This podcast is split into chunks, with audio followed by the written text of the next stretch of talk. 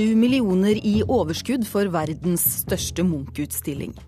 Bilentusiaster over hele landet har hedret filmstjernen Paul Walker, som nylig døde i en bilulykke. Og ung musiker med prisbelønnet kamp for å holde liv i det sørsamiske språket. Du hører på Kulturnytt med Elisabeth Tøtte Hansen i studio. Verdens største Munch-utstilling gikk altså med sju millioner kroner i overskudd. Jubileumsutstillingen fikk dobbelt så mange besøkende som forventet, og nå skal Munch-museet og Nasjonalmuseet bruke overskuddet på nye utstillinger. Selvportrett med sigarett fra 1895 er eh, nå tilbake her på Nasjonalgalleriet, og tilbake i sin eh, gedigne, forgylte gullramme. Maleriet 'Selvportrett med sigarett' av Edvard Munch har vært på turné landet rundt som en del av årets Munch-jubileum. Nå er det tilbake på sin faste plass i Nasjonalgalleriet i Oslo. De siste månedene har museet i samarbeid med Munch-museet laget verdens største Munch-utstilling. Det har jo vært en fantastisk suksess. Vi er jo veldig veldig stolte og veldig veldig fornøyde. Og veldig glad for at det er så mange mennesker som har eh, vært like fornøyd som det vi er, og virkelig har kommet. Og køer som vi hadde under denne utstillingen, det har vi jo aldri opplevd før. Så mange mennesker har besøkt utstillingen at den har gått syv millioner kroner i overskudd. Pengene skal brukes på nye utstillinger, sier Elsebeth Kjerskov, prosjektleder for Munch-året. Altså Overskuddet skal jo deles mellom de to museene, og begge museene har planer for nye utstillinger som kommer publikum til gode. Så alt dette er ressurser som skal pløyes tilbake til fellesskapet. Men for et år siden var ikke forventningene til Munch-året så høye. Oslo kommune hadde fortsatt ikke avklart om det nye Munch-museet skulle bygges, og jubileet slet med å få finansieringen på plass. Men i løpet av året ble Munch-museet Lambda vedtatt, sponsorene kom på plass, og Munchs Skrik ble solgt for 750 millioner kroner i New York. Altså Den reaksjonen som kom akkurat nå i år, og denne populariteten, det er jo knyttet punkt én til at han er en innarbeidet kunstner. Vår mest innarbeidede kunstner gjennom alle år. Det mener professor i kunsthistorie ved Universitetet i Oslo, Øyvind Storm Bjerke. Så dette var noe alle måtte se. Og så fikk utstillingen flott pressedekning, gode kritikker etc. Og så er det en veldig viktig ting, og det er denne auksjonen i fjor hvor, hvor Skrik gikk til eh, rekordpris. Det er også en sånn ting som trekker folk. Selv om jubileet har vært vellykket, mener han likevel de kunne ha satset mer internasjonalt. I større grad evenementer i utlandet som det var når det gjaldt Ibsen. Eh, de sidene der har jo ikke kommet med når det gjelder Munch. Prosjektleder for Munch-jubileet Elsebeth Kjerskov mener det er Munch som skal ha æren. God planlegging gjennom mange flinke folk gjennom mange år. Og så er det jo først og fremst verken verkene i seg selv, kunstverkene i seg selv, som er så fantastiske. Reporter her, det var eh, Eirin Venås Sivertsen. Agnes Moxnes, kulturkommentator i NRK. Hvor overraskende er resultatet av Munch-året, mener du? Hadde vært veldig mye mer overraskende hvis det ikke hadde vært en vellykket eh, feiring. Vi snakker om en stor, stor internasjonal eh, kunstner her. Eh, med da et, et år og en feiring av hans 150-årsjubileum som hadde en helt perfekt oppspark utenifra. Altså Vi snakker da om rekord på rekord. Det moderne, det moderne øyet, utstillingen som først ble vist i Paris, og så i Frankfurt og så i London, satte publikumsrekorder alle steder. Stor dansk utstilling, Angst, publikumsrekord i Århus. Så ble Skrik solgt for 700 millioner kroner. Og i tillegg så har vi jo hatt denne langvarige debatten om hvor et nytt Munch-museum skal ligge. Sånn at, eh, Og så da i tillegg, det siste er jo at det er da en vellaget, svært vellaget eh, stor utstilling som åpner i, i eh, Oslo eh, i forbindelse med dette jubileet. Så til sammen, så alle disse tingene til sammen har spilt på lag og har vært en forutsetning for denne kjempestore suksessen. Det har det nesten vært en er Kanskje feil å bruke ordet tilfeldighet, men når det er så mange ting som klaffer, hvor viktig har det vært for at folk har vært så entusiastiske her da? Ja, altså, For å si det sånn, så tror jeg ikke denne suksessen hadde vært så stor hvis ikke man har fått denne store drahjelpen utenifra. Man kom for sent i gang med å planlegge Munch-året. Så vidt jeg husker, så fikk eh, Munch-museet og Nasjonalmuseet oppdraget allerede i 2005. Den endelige prosjektlederen til året kom først på plass for, altså på, på sommer, sensommeren i, i fjor. Eh, dette er en refleksjon av at det har vært mye uro begge disse to museene, og det har forplantet seg inn i året. Men når det er sagt, da de endelig kom i gang, så er det jo, som man nå kan se, blitt et svært vellykket år. I saken så hørte vi kunsthistorieprofessor Øyvind Storm Bjerke si at arrangørene burde ha satset mer i utlandet. Hva, hva, mener du om det? Ja, og Han viser jo til Ibsen, som det var en kjempesuksess også i utlandet. og Det er vel et eksempel på hva som kunne vært gjort hvis planleggingen hadde kommet i gang eh, på et tidligere stadium. Eh, men det har vært oppdrag, altså det har skjedd ting i, utlandet i Munch-året, men veldig mye har vært initiert fra, fra andre steder enn fra Munch-museet og Nasjonalmuseet. Eh, og så kunne man jo også tenkt seg at man kunne sett Munch sammen med sine samtidige her i Norge. Altså planlagt så lenge at man kunne f.eks. fått Cézanne eller van Gogh til Norge i dette jubileumsåret. Men Hva da med, med, selve feiringen? Hvilken betydning eh, har denne feiringen av Munch hatt? Jeg mener at det er et vannskille. 2013 er blitt et vannskille, og kanskje en av de mest vellykkede kunstnerfeiringene vi noensinne har hatt i, i Norge. Eh, vi har sett det i måten altså at Oslo kommune og staten endelig har begynt å samarbeide. Eh, forholdet mellom Munch og det private næringsliv har utviklet seg i løpet av dette året. Man har nå fått ordentlige sponsorer på plass. Og det viktigste er selvfølgelig at folks bevissthet om Munchs betydning og hans kunstnerskap har eh, vokst. Og, men det fører jo da til at forventningene til hvordan Munch forvaltes i årene fremover, er skrudd atskillig hakk eh, i været. Og denne uken så avsluttes eh, feiringen av Munch-året. Takk skal du ha, kulturkommentator i NRK Agnes Moxnes.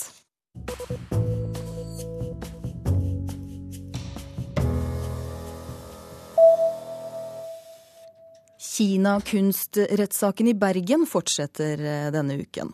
Seks personer er tiltalt for januar i år å ha stjålet 23 gjenstander fra Vestlandske Kunstindustrimuseums samling av kostbare kinesiske kunstverk.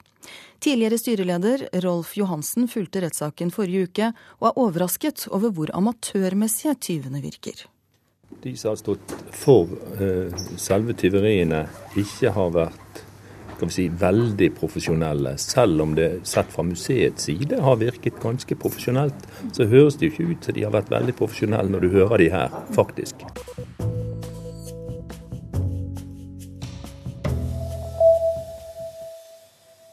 Bilentusiaster over hele landet hedret søndag kveld den amerikanske filmstjernen og bilentusiasten Paul Walker. Walker, som er kjent fra filmene Fast and Furious, døde nylig i en bilulykke. Og Gatebilklubben på Gjøvik og Lena Charlotte Vestby fra Brumunddal sto bak minnemarkeringen utenfor Vikingskipet på Hamar. Jeg vil bare si jeg ønsker ønske alle velkommen. Og så at det er fint at det er faktisk så mange som møtte opp allerede. Um, og så er det fint om dere setter biler enten med avslåtte lys eller parklys, og så at dere tenner gravlys hvis det er dem som har med, da. Så. Da arrangementet startet, hadde det kommet rundt 60 biler fra hele Mjøsområdet. Minnearrangementer har det også vært i Kristiansand, Bergen og Oslo. Leder i Gjøvik, Toten og omegn gatebilklubb, Kim Rune Vestre-Olsen, sier Walker har betydd mye for bilmiljøet. Vi har jo sett mye fra Sverige, USA som har hatt minnestund og sånn. Og da har vi lyst til å vise at vi òg faktisk har hatt eh, filmstjerne som har betydd mye for bilmiljøet. Um, mye ut av det har jo med måten bilene har blitt uh, styla på, som uh, det kan være både rimelige og dyre løsninger på. Paul Walker en, har vært en stor bilentusiast utafor filmene i tillegg.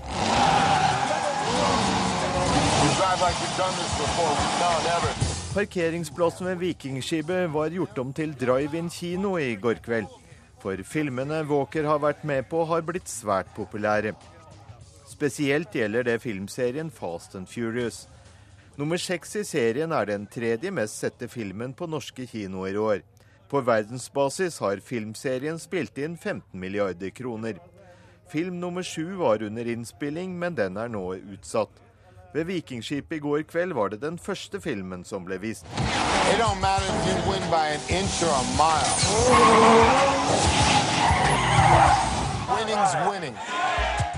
Altså egentlig, Han har jo vært med i mange filmer tidligere, Paul Walker, men det er vel egentlig Fast and Furious 1 som var gjennombruddet hans for karrieren som gjorde at han ble så stor som han har blitt.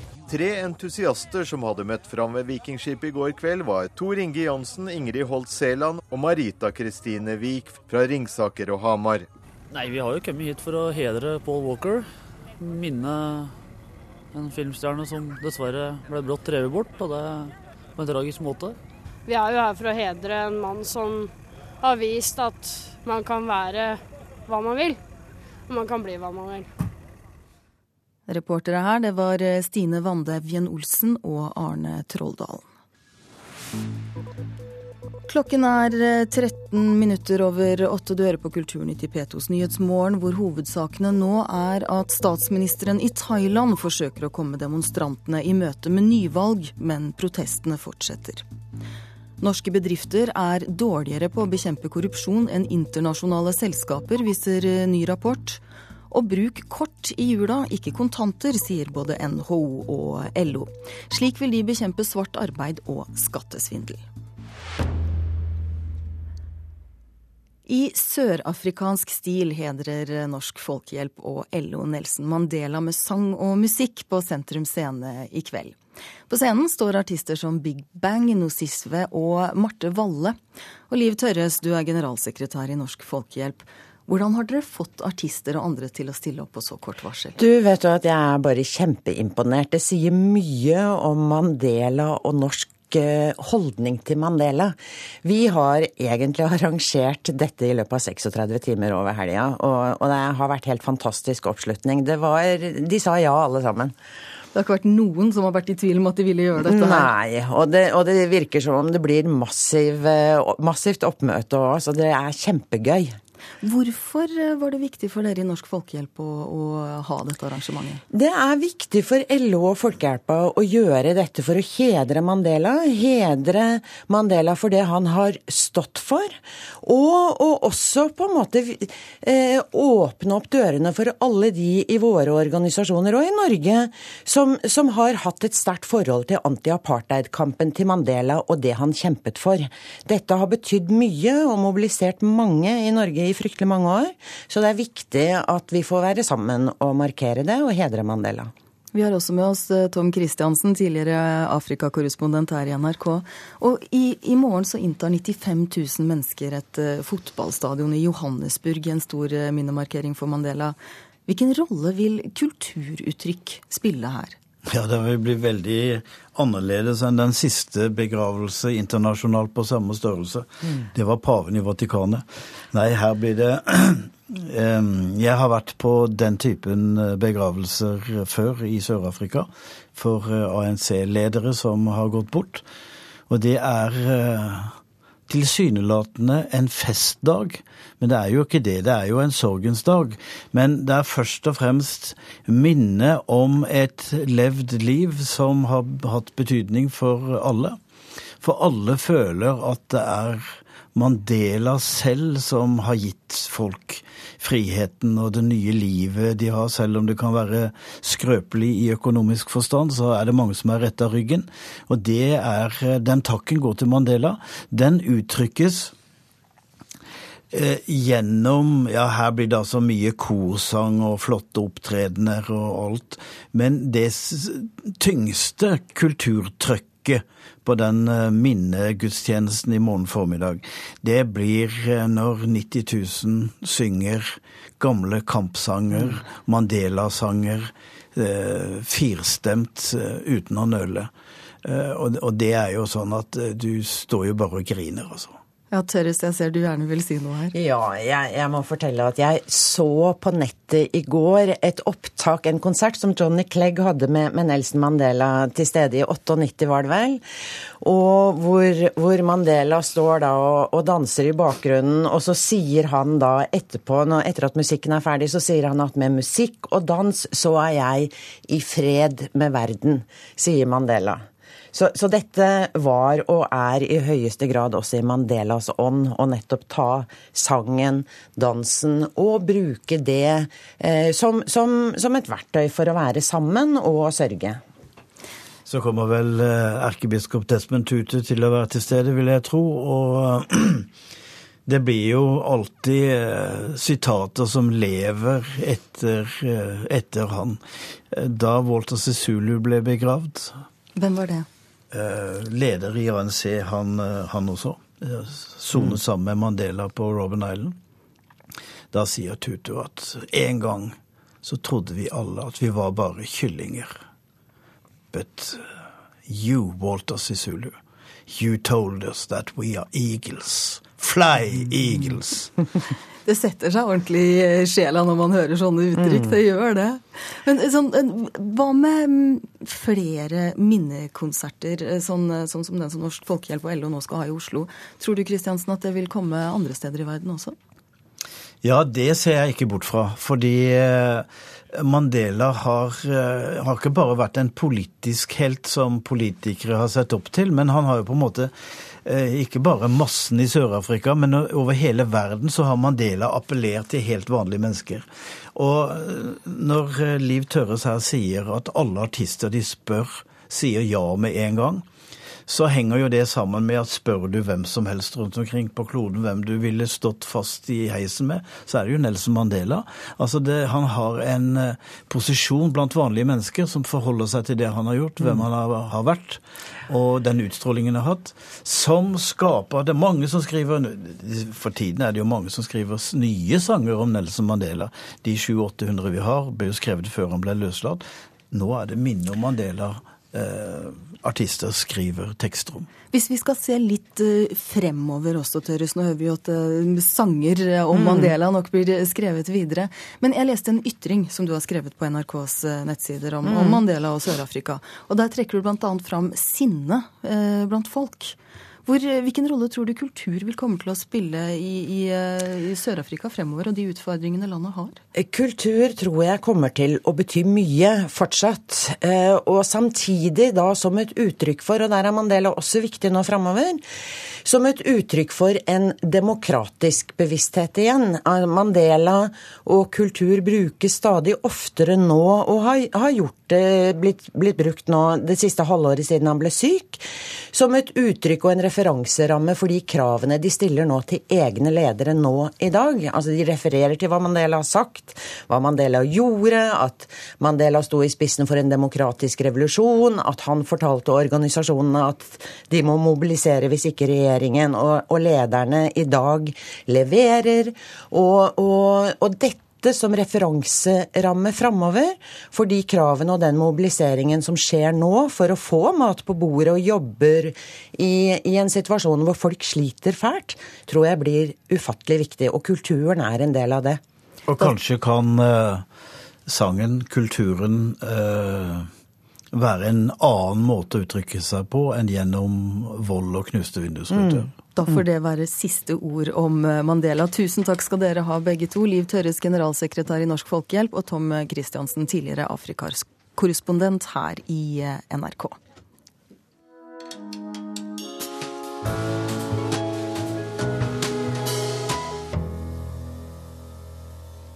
I morgen mottar den canadiske novelleforfatteren Alice Munro nobelprisen i litteratur for sitt eh, forfatterskap, som omfatter 13 novellesamlinger. Den nyeste, og ifølge forfatteren selv den siste, er eh, Dear Life, på norsk Bare livet, i Åse Gjerdrums oversettelse. Og vår anmelder Leif Ekle er skamløs eh, Monroe-fan og har dette å si om Bare livet. Det var en svært gledelig overraskelse da det ble kjent at en ny samling noveller fra Alice Munro var underveis. Dear Life, Bare livet. At disse novellene røsker nådeløst tak i leseren fra første avsnitt, var ingen sensasjon. Så god er Alice Munro. Overraskelsen, den gledelige, hadde én grunn. Etter utgivelsen av samlingen Utsikten fra Castle Rock for sju år siden antydet den gode Munro at det kanskje fikk holde med skriving. Da hadde hun, i den samlingen, atypisk for forfatterskapet ellers, utforsket sin egen families historie, utvandringen fra Skottland til Canada. Den første trusselen om skrivestopp trakk hun selv tilbake for fire år siden, i og med samlingen For mye lykke. Bare livet er gjenkjennelig Monroe og litt avstikkende på samme tid. Også her tar hun leserne sine med til livet i det sydlige Ontario, der svært mange av historiene hennes har funnet sitt spillerom. I den grad at The Monroe Tract er blitt et litterært begrep, avgrenset i vest og sør av sjøene Lake Huron og Erie, i nord og øst av byene Goldridge og den canadiske utgaven av London. Der inne ligger altså Alice Munro land, ofte, og med rette, sammenlignet med William Faulkners fantasiprodukt av et sted, Yoknapataufa County. Bare livet viker samtidig ikke tilbake for utflukter vekk fra den lille egnen til storbyen til Toronto og Vancouver. Heller ikke nye steder for en Munro-leser. Spennet i tid er stort. En foruroligende kjærlighetshistorie ved en tuberkuloseinstitusjon under andre verdenskrig, referanser til Thomas Manns Trolldomsfjellet inkludert, avløses av flere noveller med utgangspunkt i så vel krigen som umiddelbar etterkrigstid, og dermed et sammenfall med Munros egen barndom og ungdomstid. En amerikansk kritiker skrev at Munro presenterer menneskene sine som om de var noen du kunne støtt på i butikken eller i en kø på postkontoret en utmerket observasjon. Det er gjentatt ofte nå, etter at hun fikk nobelprisen, men det er stadig like sant at nettopp det hverdagslige, det vanlige, er et av hennes skarpeste våpen. Slik viser hun oss personenes ståsted i sine egne liv, og hvordan glimt av lys i form av hendelser, nye erfaringer og erkjennelser bringer dem videre. Alice Munro er 83 år nå, og har igjen ettertrykkelig sagt at nå er det slutt med skriving. De fire siste historiene i Bare livet utgjør en egen avdeling som ikke helt er noveller, skriver hun. I stemning og følelse er de selvbiografiske, om de ikke er det rent faktisk. De er også, skriver hun, de første og siste tingene hun har å si om sitt eget liv. Sant eller ikke, de er umiskjennelig Munros også. Ja, Nobelprisvinner Alice Munros bok 'Bare livet' er oversatt av Åse Gjerdrum, og her var det vår anmelder Leif Ekle som tok for seg denne boka. Nå til en jente som bare er 19 år gammel, men allerede prisbelønnet for sin kamp for det sørsamiske språket. Som liten skrev Maria Helena Fjellheim Mortensson sangtekster for å øve inn morsmålet.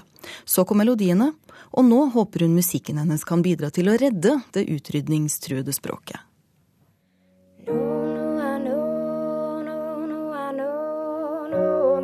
Jeg vet ikke hvem jeg hadde vært hvis jeg ikke hadde fått, uh, fått lære mitt eget språk. Det var ingen selvfølge at den vevre jenta ved pianoet skulle få lære morsmålet sitt da hun vokste opp. Men slik ble det heldigvis. Nå synger hun på vegne av seg sjøl, en kultur og et språk hun ikke vil skal dø. Det er ikke en god tanke eh, å tenke det at, eh, at det kan forsvinne. Så man vil jo gjøre sitt ytterste for at det her skal man bevare. Eh, og jeg tenker musikk er en av de fineste måtene eh, å gi et budskap på. Maria Helena er fra hedmarkskommunen Engerdal, bare 30 mil fra Oslo, hvor familien lever av reindrift. Jeg har fått spørsmål eh, om hvor i Nordland eller Finnmark jeg kommer fra. For det er ikke alle som er bevisste eller vet at vi driver i Engerdal, lengst nord i Hedmark. Vi tar det her, tror jeg. Men Hedmark fylkeskommune vet, og nylig ga dem Maria Helena kulturprisen for hennes musikalske innsats for den sørsamiske kulturen og språket. Et språk som prates av bare noen hundretalls personer i Norge i dag. Lengst sør så er vi Vi er jo liksom kanten eh, av det samiske samfunnet. Så du er jo veldig påvirka av det norske. Farmor Inga fikk ikke prate eller lære samisk på skolen i det hele tatt. Pappa Jon Anders reiste 50 mil hjemmefra til internatskole for å lære sørsamisk.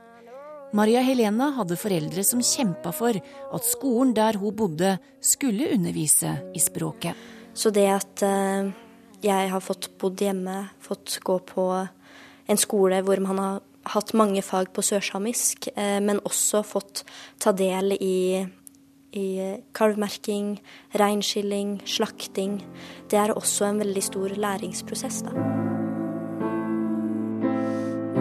Og det var nettopp skolearbeidet som inspirerte Maria Helena inn på den musikalske stien. Det begynte jo med at det var jeg som skrev for min egen del, for å få bruke språket. Fordi jeg fant det som en motiverende måte til å utvide mitt ordforråd, mitt repertoar av ja, osv. Som elev på musikklinja på videregående så gleder hun seg over alle de nye musikkimpulsa hun får. Men i sin videre musikalske utvikling og kamp for kulturen, så vil hun kikke bakover. Fordi siden jeg ikke har fått uh, vokse opp i en levende joikekultur, for det, det, eksisterer knapt i det sørsamiske området, så har jeg veldig lyst til å gå tilbake til røtter, til gamle opptak, eh, og høre på det igjen. Men så klart òg eh, gjøre min egen vri på ting. Musikk og reindrift er vel noen ting som kan kombineres, vil jeg si. Så eh, får jeg noe å ta over, så eh, vil jeg tro at jeg gjør det. Men det er en, det en pressa situasjon, det vi er i. Og det handler også mye av det jeg skriver om. Om får jeg lov til å fortsette videre med den kulturen? For det, det er ikke sikkert. Ja, Det sa Maria Helena Fjellheim Mortensson til reporter Torunn Myhre. Og med det så er eh, Kulturnytt slutt denne mandagsmorgen. Du har bl.a. hørt at verdens største Munch-utstilling gikk med sju millioner kroner i overskudd. Og nå skal Munch-museet og Nasjonalmuseet bruke overskuddet på nye utstillinger. Produsent i dag Gjermund Jappé, tekniker Frode Thorshaug og her i studio Elisabeth Tøtte Hansen.